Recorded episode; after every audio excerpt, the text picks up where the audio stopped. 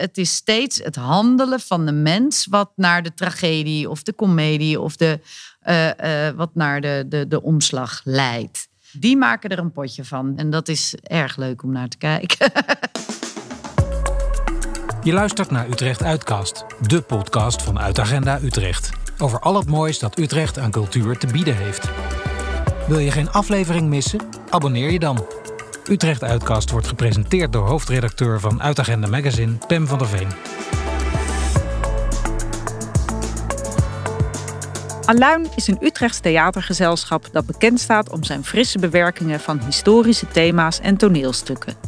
Deze zomer gaat hun succesvolle voorstelling De Hollanders in reprise. Een bloemlezing uit het oud-Hollands toneel, afgestoft met zang, dans, spoken word, poppenspel en veel humor.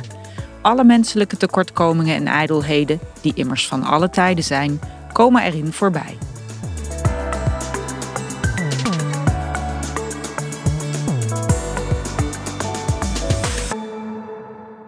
Ik zit hier met uh, Erik Snel en Victorine Planten van theatergroep Aluin. Zij vormen daar de artistieke leiding van. Uh, Aluin maakt al dit jaar zijn dertigste verjaardag, heb ik begrepen. Ja, dat klopt. Ja. Ik ben een van de oprichters samen met uh, Frank Meijers, 30 jaar geleden. Toen zaten we op de HKU als studentenregie. Ah, oké. Ja. En wat was jullie idee bij de oprichting? Wat stelden jullie je erbij voor? Wereldroem, uh, heel rijk. Nee, Um, we dachten eigenlijk, uh, we moeten een naam hebben van een groep. Want uh, als je zomaar. We hadden een eerste voorstelling. En bij die eerste voorstelling dachten we. Dan willen we ook een naam hebben van een groep. Want dan kan diezelfde groep daarna nog meer voorstellingen maken. Dus we wisten wel gelijk dat we een groepje wilden hebben. Dat schijnt heel jongensachtig te zijn om groepjes te maken en namen te verzinnen. En daar heel lang mee bezig te zijn. Bij het verzinnen van de naam. Bij het verzinnen van de naam. En wat, wat is aluin eigenlijk? Wat betekent het? Ja, aluin is een, een soort zoutverbinding, een soort kristalachtig iets, wat je gebruikt bij het scheren. Um, en na lang nadenken en allerlei namen te hebben uh, bedacht, um, uh, die waren veel te lang en te complex en weet ik wat allemaal, dacht ik eigenlijk, het moet met de A beginnen, want dan zit je altijd aan het begin van het alfabet. Het moet kort zijn, dat is ook handig qua onthouden. Maar wel net uh, een woord waarvan mensen denken: wat is dat eigenlijk? En omdat ik dat aluin, dat stond op mijn, uh, uh, mijn wasbak, omdat ik een natscheerder ben. Oh. En ik dacht, dat is, um, dat is dus bloedstelpend, dus bloedstollend en prikkelend. Dus dat leek me een leuk motto. En hadden jullie uh, ook al meteen een idee uh, wat Aluin moest worden? Of zijn jullie gewoon begonnen en jullie zagen wel waar het schip zou stranden? Dat laatste. Want ja. uh, als je op school zit en je, je maakt je eerste voorstelling, dan. nou, ik vind het heel knap als je dan al echt precies weet wat je stijl is en wat je inhoud is en wat je richting is. Dus ik denk dat we het eerste vier, vijf jaar gewoon van allerlei beeldend, uh, textueel, literair, uh, klassiek. We hebben van alles geprobeerd. En uh, op een gegeven moment kwamen we wat meer op de, op de klassiekers, op het klassieke repertoire. Ja, maar dat is dus niet altijd zo geweest. Zeker niet, nee. nee. Nee, nee want jullie maken nu ja, bewerkingen van geschiedkundige onderwerpen en van, van historisch toneel eigenlijk. Hoe, hoe is die focus dan ontstaan? Um, ik uh, had een Oedipus gedaan. Dus het verhaal van Oedipus, dat is een Griekse tragedie. Met heel veel moderne invloeden. Van Madonna tot, uh, nou wat zat er in Martin Luther King. En dat was een echte montagevoorstelling. En toen ben ik voor het eerst geconfronteerd geweest met een, eigenlijk met een Griekse tragedie. En toen dacht ik later, dat heeft eigenlijk helemaal niet zo ontzettend veel andere impulsen en, en invloeden nodig dan het verhaal zelf. Want het is al zo sterk. En die Griekse tragedies vind ik zo. Ze zijn vrij kaal als je het bijvoorbeeld vergelijkt met Shakespeare bijvoorbeeld. Er zijn heel veel personages, heel veel situaties.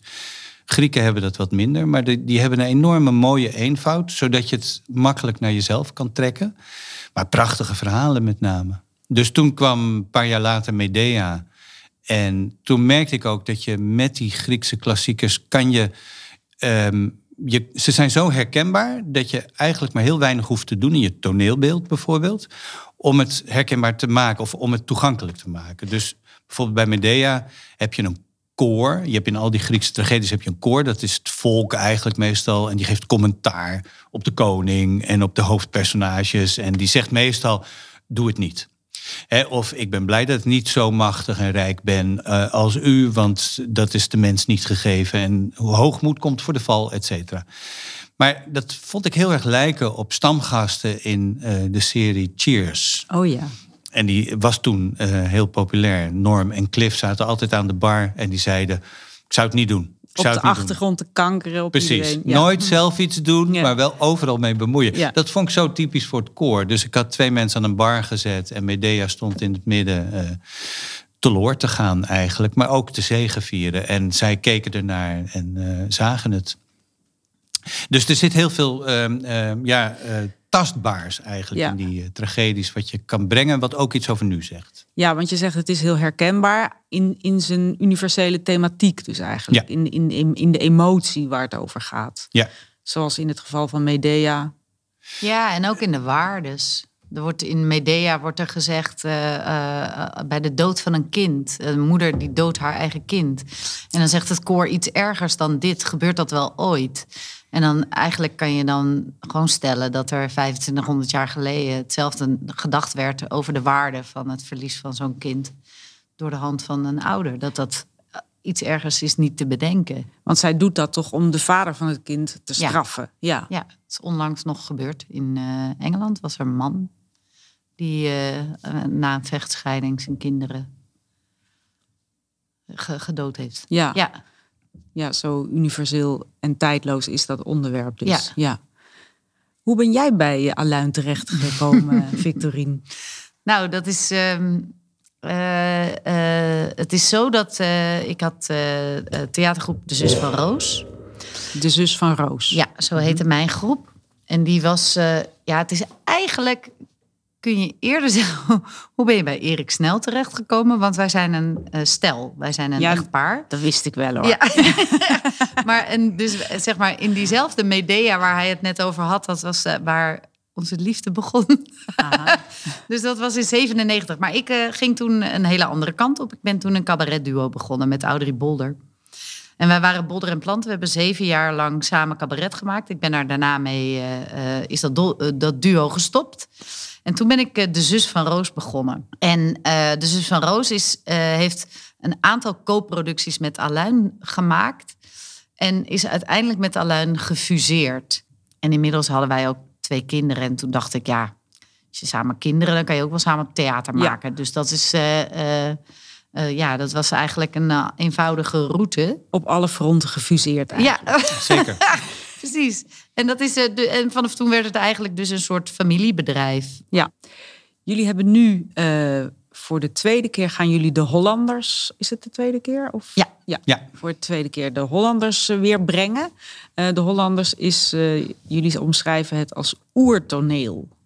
Ja. Nederlands oertoneel. Maar wat is dat? Nou, het, mag ik iets over het oer Ja, jij eh, mag zeggen? over het oer zeggen. Het, het oer is eigenlijk het is de meest primaire vorm van theater die je kan bedenken. Want het is eh, ooit als wagenspel zijn een aantal van die voorstellingen opgevoerd. En een wagenspel is dat er gewoon een paar mensen naar de markt gaan. En die gaan op een wagen staan. En die gaan zeggen, luister, luister, we gaan eh, zo direct spelen eh Marieke van Nieuwmegen. En eh, komt dat zien, komt dat zien. En vervolgens voltrekt zich dat toneelstuk eh, voor de ogen van die mensen. Er, geen licht, geen geluidstoestanden, geen... eh, nou, er waren wel trucages, maar die waren ter plekke natuurlijk. werden die uitgevoerd. wagen? Op die wagen. Ja, ja. Dus zo simpel als het maar kan zijn. En dat spreekt mij ontzettend aan, omdat ik heel erg geloof in de magie van theater. Dat als ik zeg, ik ben de koning en vanaf dat moment vertel ik verder, dan is dat zo. Dat is een soort kinderlijke fantasie en verbazing. Ehm, eh, en eh, dus het oer is niet alleen, het is het oudste toneel van, vanaf, vanaf het oudste toneel van Nederland, maar het is ook oer in de zin van de oudste manier van optreden. Zie de mens in al haar glorie. Zie de mens en haar slechtheid, wat verdorie. Dat de lust het verliest van de juiste moraal, is in zekere zin een zoetsappig verhaal. Tijd om de duivel weer in te brengen en die liefelijkheid met wat gif aan te leggen.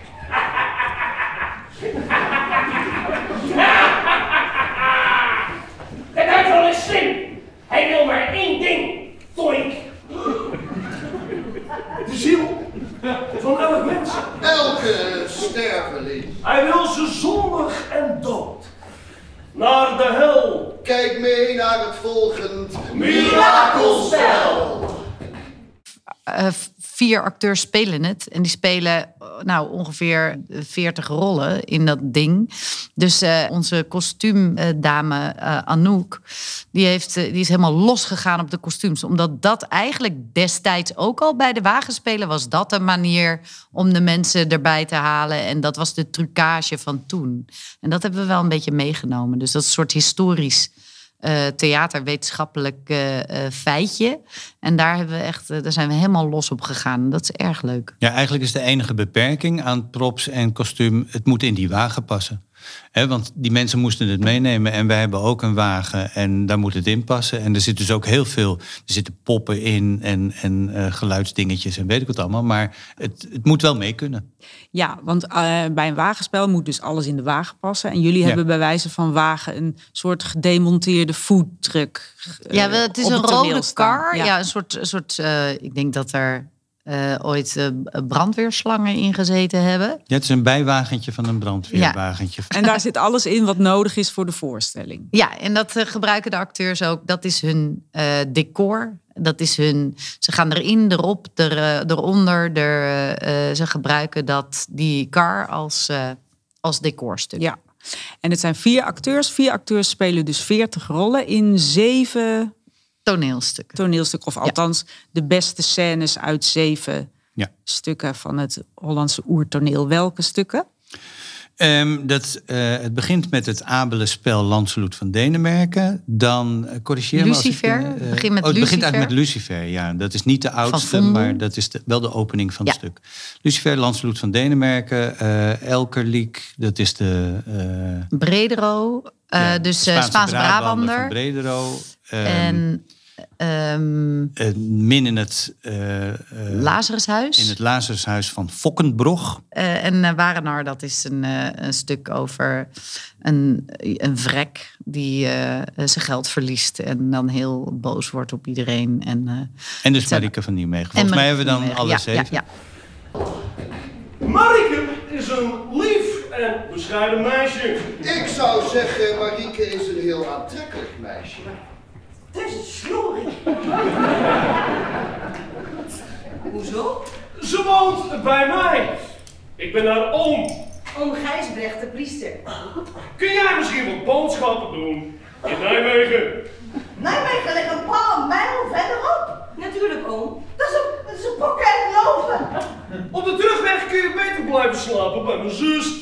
Want het is gevaarlijk om in het donker terug te lopen. Natuurlijk, oom. Als Marieke haar boodschappen heeft gedaan, schemert het al.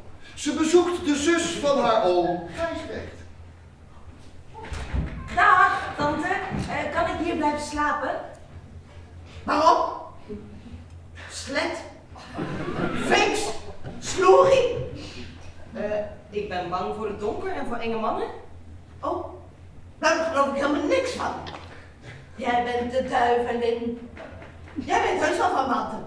Jij hebt vandaag lopen lanterfanten. Eh, ik was druk genoeg, tante. Ja, met hoeren en sloeren en drinken en klinken met een van die baasjes. Waarom zegt u dat, tante? Oh, lekkere hangtiet. Al durf jij de waarheid niet aan. Jouw benen zijn vaak uit elkaar gegaan om te genieten van iemands fluit. Maar gaan er nog zoveel in en weer uit. Elke meid die noemt zich een maagd tot haar buik opzwelt. Dat u mij zulke dingen vertelt terwijl ik geen schuld heb, dat kan ik niet verdragen. Ach, maakt dat ze wegkomt. Jij bent geen maagd, jij bent een slet.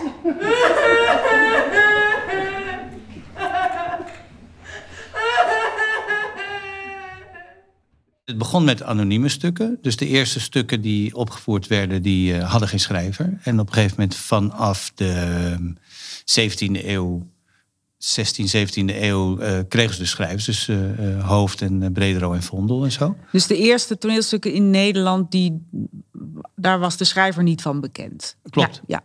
En die, waren ook, die werden ook echt gemaakt op kermissen gespeeld dus, in, op die wagens. En je kan aan de taal horen dat het was ook gemaakt voor ongeletterde mensen. Eh, heel veel is op rijm, dus dat, dat je het goed eh, eh, de taal kan begrijpen. En je hoort eigenlijk in de, in de stukken die we hebben, hoor je waar eigenlijk ongeveer het theater de zalen ingaat. Want vanaf Bredero en Vondel kwamen die theaters en gingen mensen in het theater. En had je dus veel langere spanningsboog. En kon je veel meer uitgebreide en veel beeldender taal gebruiken. En veel minder boers ook eigenlijk. Omdat je dan zat in een zaal en niet stond op een plein. Precies, en Ja, omdat ja. er geen omgevingsgeluid was en omdat je eh, eh, dus eh, en omdat dat de mensen die toen naar theater gingen, dat werden ook in status steeds de, de, de hogere. Het is super Eh, jammer. Ja, heel jammer, want Ja. en dat rijm werkt als een tierenlier. Dus jullie vinden het eigenlijk jammer dat, dat eh, het, het, van het van het marktplein naar het theater is verhuisd. Eigenlijk wel, want ik vind nog steeds... theater is zo'n ontzettend toegankelijke kunstvorm... en eh, zo ontzettend leuk, en dat kan ook overal. Maar ehm, er gaan maar betrekkelijk weinig mensen naar eh, theater.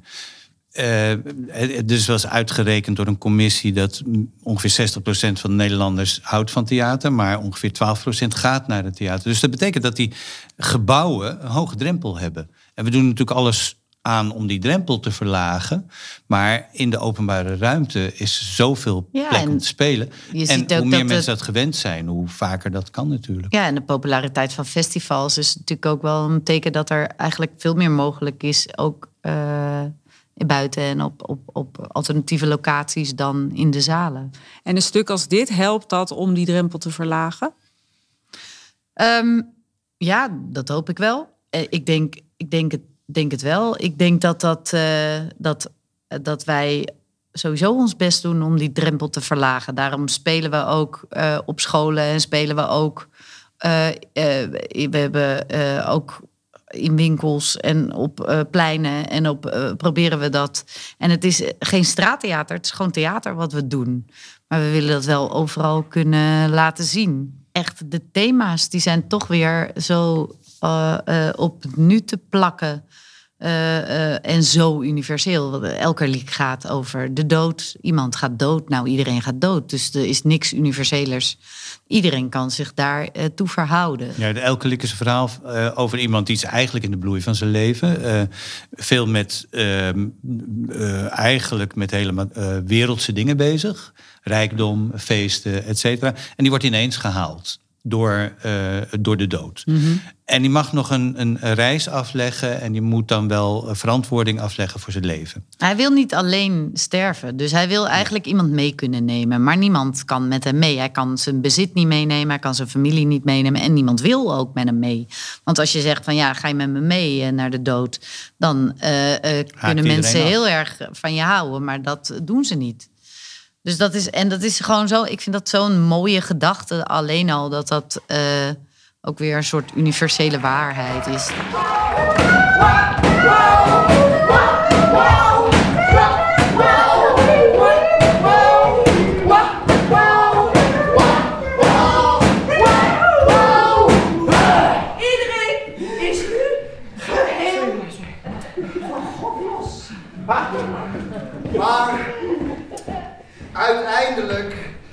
We dan toch de klos.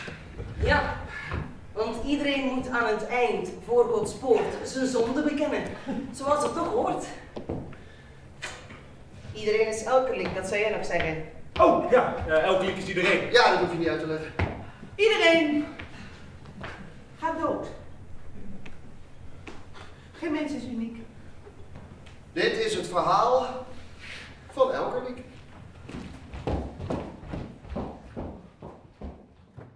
Dat wordt heel weinig opgevoerd, hè, de, eh, die Hollandse stukken. Daarmee is het zo zonde, want het, is, het, is echt, het, is, het zijn echt zulke prachtige verhalen. Dus wij, wij willen met deze voorstelling ook echt wel een lans breken voor dat, dat oud-Hollandse theater. En eh, ja, toch wel een beetje hopen dat daar ook weer mensen zijn die denken van... nou, ik ga het eens lezen of zo, of ik ga het misschien er eens wat mee doen. Want waarom vinden jullie dat belangrijk? Wat, wat kunnen, kan de nieuwe generatie theatermakers van dat oude toneel leren en wat heeft het publiek daaraan? Wat, Ja, ik vind het belangrijk dat ik vind het heel troostrijk dat, eh, dat er soort van universele waarden zijn. Dus dat je dat die mens die al eeuwenlang, al, al duizenden jaren er een potje van maakt. eh, en dat we ons daar steeds opnieuw toe moeten verhouden. En die geschiedenis, dat is in, in deze tijd. Iedereen denkt altijd dat die. Dat, dat, dat, dat op dit moment waarin je nu leeft, dat alles voor het eerst gebeurt. Wat natuurlijk niet zo is. Als je eh, kijkt naar hoe een stuk uit eh, 500 voor Christus, eh, waar dat over gaat, hoe het geschreven is en wat de situatie is. Of als je een stuk leest van Vondel of eh, een anoniem stuk, een Abel spel, dan word je geconfronteerd met een andere wereld. En ik vind dat dat je fantasie, je verbeelding, maar dus ook je, eh, je inleving vergroot. En als je daar veel meer van weet, dan snap je ook verhalen van andere culturen makkelijker. Omdat er eigenlijk veel meer vergelijkingen tussen die verhalen en verhalen uit andere culturen zijn dan uit een verhaal uit 2021. Hè, wat een veel kleinere wereld is, vind ik. Dus ik hou van die grote wereld, waardoor je ook geneigd bent om wat open te staan voor andere invloeden. Ja, dus verhalen uit oude tijden, andere tijden, die vergroten je wereld. Ja, Dat is wat je zegt eigenlijk. Ja. klopt. Had Ja. veel korter gekund inderdaad. Jullie hebben eh, ook eh, eh, stukken gemaakt als Don't Fuck with Artemis, een gloednieuwe Griekse tragedie, en de Ilias, een vrouwonvriendelijke superhelden-epos. Eh, maar ook bijvoorbeeld Rampjaar 1672, 1673. Mhm. Waaraan moet een verhaal voldoen? Willen jullie het op de planken brengen? Ja. Ehm, nou, daar zijn we niet heel rigide in. Want als je dit lijstje noemt, dan ligt dat inderdaad redelijk eh, ver uit elkaar. Maar het moet wel gaan over, over universele menselijke dingen. Dus het rampjaar, een rampjaar is een heel abstract gegeven. Maar de mensen die lijden eh, aan een rampjaar, dat zijn mensen zoals jij en ik. Dus er zit een boer in, een soldaat, een, eh, een stadsomroeper, eh, een, een chique dame van het huis, van huis Amerongen. Dat zijn mensen die, zoals, zoals jij en ik. Dus het moet menselijk zijn. Ehm, Ja, eigenlijk probeer je steeds in te zoomen en uit te zoomen. Dus je, je gaat steeds van een oorlog naar een moeder. Van een, eh, eh, snap je? Dus de, de, van een, eh, eh, de Ilias is nu van een oorlog naar een vader. Van een, eh, eh, de Don't Fuck With Artemis is van een broer naar een, nou ja. Dus je, je het hele inzoomen en uitzoomen, zodat je, ja, dat is eigenlijk wat we proberen te doen.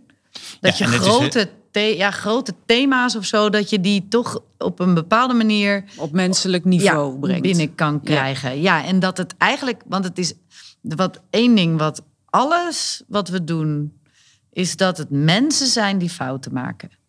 Dus die, en die maken er een potje van. Dus dat is, het is steeds het handelen van de mens wat naar de tragedie of de komedie of de, eh, eh, wat naar de, de, de omslag leidt. En dat, dat handelen, dat doet iedereen. ehm, Ja, iedereen doet gewoon altijd iets heel erg fout. En dat is, dat is eh, erg leuk om naar te kijken. En we moeten er zelf nieuwsgierig naar zijn. Dus Ja. ik, ik vind het zelf heel erg leuk om er iets van te leren. Ik wist niet zoveel van het rampjaar. Ik dacht dat het het jaar was dat de dom ingestort was. Maar dat is eigenlijk pas het einde of daar, net daarna. Ja, want het gaat over het Utrechtse rampjaar. Hè? Ja. ja. Ja. Ehm, maar er zit, eh, het is veel eh, politieker en economischer eigenlijk. En het is, een, het is een soort klein wereldoorlogje dan in Europa. Ehm, en dan vind ik het heel leuk om in die levens te, te duiken. Dus ik wilde zelf iets van leren. En we zijn ook eigenlijk gewoon een beetje arrogante eh, meesters en juffen hier bij Aluin. Die heel, heel leuk vinden om dat wat ze zelf leuk vinden over te dragen aan anderen. Ik vind educatief ook een heel sexy woord. Educatief. Ja, Victorine is Oh. bezig met een soort pleidooi voor educatieve sectie. Ja, want ik neem maar omdat ik vind het namelijk heel, heel leuk. Deze mensen gaan enorm gapen bij het woord. Ja. Ja, maar dat, dat is wel heel jammer. Want Ja. ik vind namelijk dat je echt, als je ergens iets van leert en dan, ja, leert in, niet in de zin van weetjes, maar dat je iets meer snapt van waar je je in be- begeeft, de wereld waar je je in begeeft of zo. En, dat, eh, en, en ook weetjes. Ik vind weetjes ook leuk. Dus het is, eh, we hebben ooit Ken je klassiekers zijn we mee begonnen met het concept Ken je klassiekers. Dat waren tien theaterklassiekers in een uur. Daarna zijn we daar zijn we dat gaan verdelen in acht Grieken, acht Shakespeare. En nou, dan heb je in een uur ken je weer acht stukken van Shakespeare. Nou, dan kan je weer veel beter scoren met Triviant. En dan eh, weet je gewoon veel meer. En dan, eh, eh, maar dat is waar ik, waar ik echt, ja, ik vind het educatief sexy. Jullie spelen ook op scholen, toch? Ja. Ja. En, en vinden ze het daar ook sexy? Ja, dat is. Ik eh, denk niet dat ze het zo zouden omschrijven, maar eh, het is wel zo dat, dat het ook voor hun kennelijk toegankelijk is. Nou ja, omdat we gewoon, we kunnen heel veel, eh, eh, we, kunnen heel veel met humor. En dat is nou eenmaal een grote brug. Eh, Als je eh, een beetje iets met humor kan, dan kan je daar echt bruggen mee slaan. waar mensen materiaal tot zich kunnen nemen, wa- waarvan ze niet wisten dat ze dat konden. En heel veel mensen brengen die Griekse tragedies echt letterlijk als tragedies. En, en loodzware verhalen met grote emoties die ook groot worden aangezet. Terwijl ehm, ik denk dat als je het realistische beschouwt, hoe is het om je eigen kinderen eh, te doden? Geen idee. Dus je kan dat, je kan dat eh, beter zelf gaan vormgeven. Of als iemand erachter komt dat eh, er een urn ligt met de as van haar broer. Wat, wat doe je dan? Ja, dan kan je wel vreselijk jammerend met die urn in je armen gaan eh, lopen eh, wiegen. Maar misschien doen mensen dat wel helemaal niet. Dus het gaat ook van wat, wat voor tegenkleuren kan je geven. En hoe gaan, eh, hoe gaan wij als mensen met, met grote emoties om? Soms heel anders dan alleen maar tragisch. Ja, en als de, de grootste tragedie kan je overvallen. Het kan tegenzitten. Je kan, maar ja, er is toch ook gewoon bewijs uit de geschiedenis dat op dat moment er ook heel veel humor te pas kwam. En dat dat mensen heel veerbaar en heel eh, elastisch heeft gemaakt. Ja. Ook alleen al omdat het natuurlijk een copingmechanisme is. Ja. Ja. Humor. Ja. Nou, dat is, maar dat is precies, denk ik, dat copingmechanisme. Als je dat laat zien, dan zie je al veel meer kracht in een personage dan alleen maar het meegaan met het verdriet. En dat is, is vind ik wel eens een misverstand in het eh, brengen van eh, tragedies. Dat het zo echt de heuvel afgaat eh, Ja. in, in verdriet.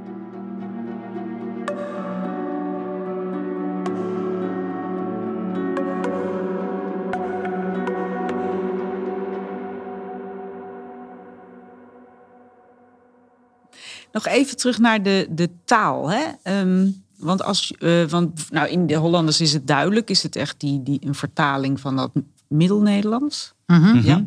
Maar als je een Griekse tragedie brengt of zo, hou je je dan ook aan, aan de officiële tekst zoveel mogelijk? Of, of... Ja, het, ehm, eh, natuurlijk niet het Oud-Grieks, maar de vertalingen zijn vrij eh, eh, actueel. Dat wil zeggen, die zijn niet zo heel oud. En vertalen heeft natuurlijk in elke periode, doen ze dat anders. En ehm, ik maak al heel lang gebruik van de vertalingen van Gerard Koolschijn.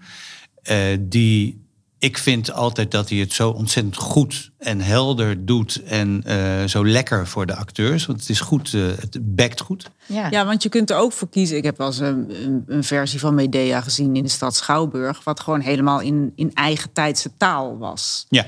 Daar kan je ook voor kiezen. Waarom kiezen jullie voor dit? Nou, omdat ehm, eigenlijk hoe eigen tijdser, hoe sneller gedateerd. Dus als je ehm, eh, met de taal van, van 2021 nu een voorstelling maakt, dan zijn er in 2023 al woorden waarbij mensen zeggen: Oké, boomer, dat zeggen we niet meer. Ja. Ja, dat is dus- heel leuk. Want ik heb er een leuk voorbeeld van. We hadden in de eerste versie van Ken je klassiekers, eh, die tien klassiekers, hadden we eh, de hele Oresteia. En de, de Oresteia heeft krankzinnige namen natuurlijk. Altijd eh, Clytemnestra en Agamemnon. En al die namen is altijd een enorme obstakel voor het publiek. En wat hadden we dan bedacht? Om het een beetje toegankelijk en vrolijk te maken, gingen we het eh, helemaal vertalen naar O.O. Gerso. Wisten wij veel dat onze voorstelling langer mee zou gaan dan de hele OO Gerzo. Dus we moesten dat er op een gegeven moment gewoon weer uithalen, want het was te gedateerd. Niemand kende die hoofdpersonen uit dat tv-programma Nee, nog. niemand kende het tv-programma zelfs meer. Nee. Dus in ieder geval niet de jongeren waar wij voor spelen op de scholen van een jaar of 14 tot 16.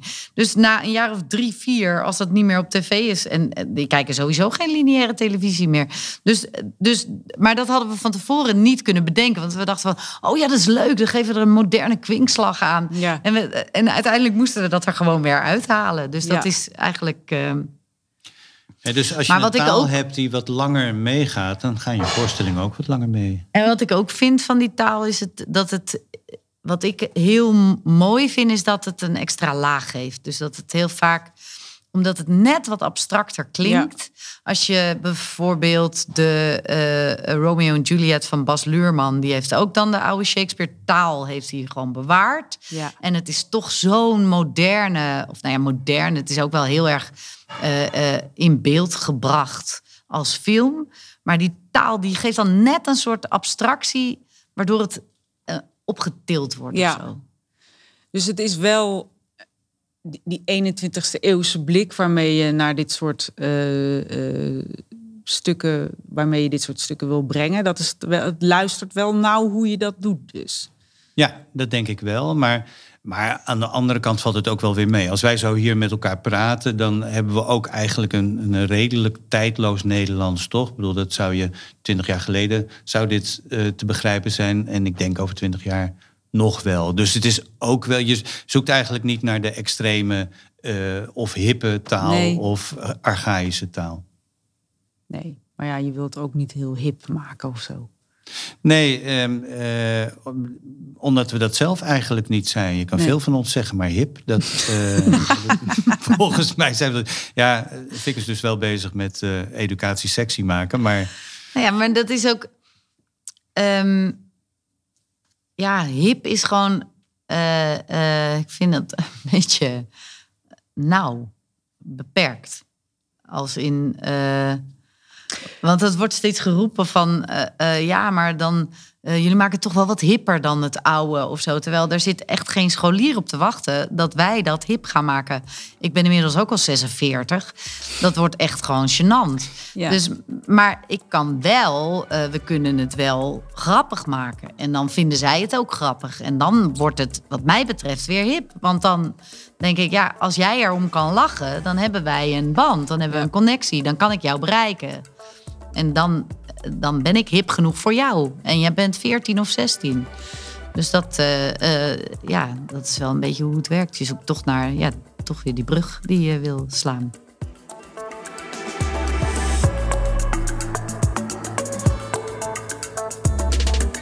De Hollanders gaat op 10 juli in première en is nog tot en met 24 juli als buitenvoorstelling te zien bij de Pingpongclub op de Concordiastraat in Utrecht. Voor meer informatie en kaartverkoop zie aluin.nl.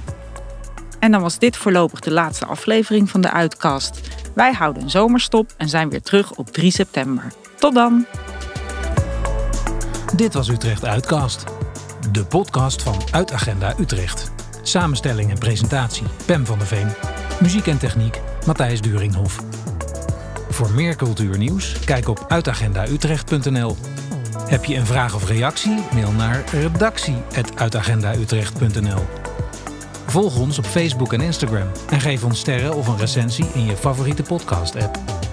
Bedankt voor het luisteren. Tot de volgende.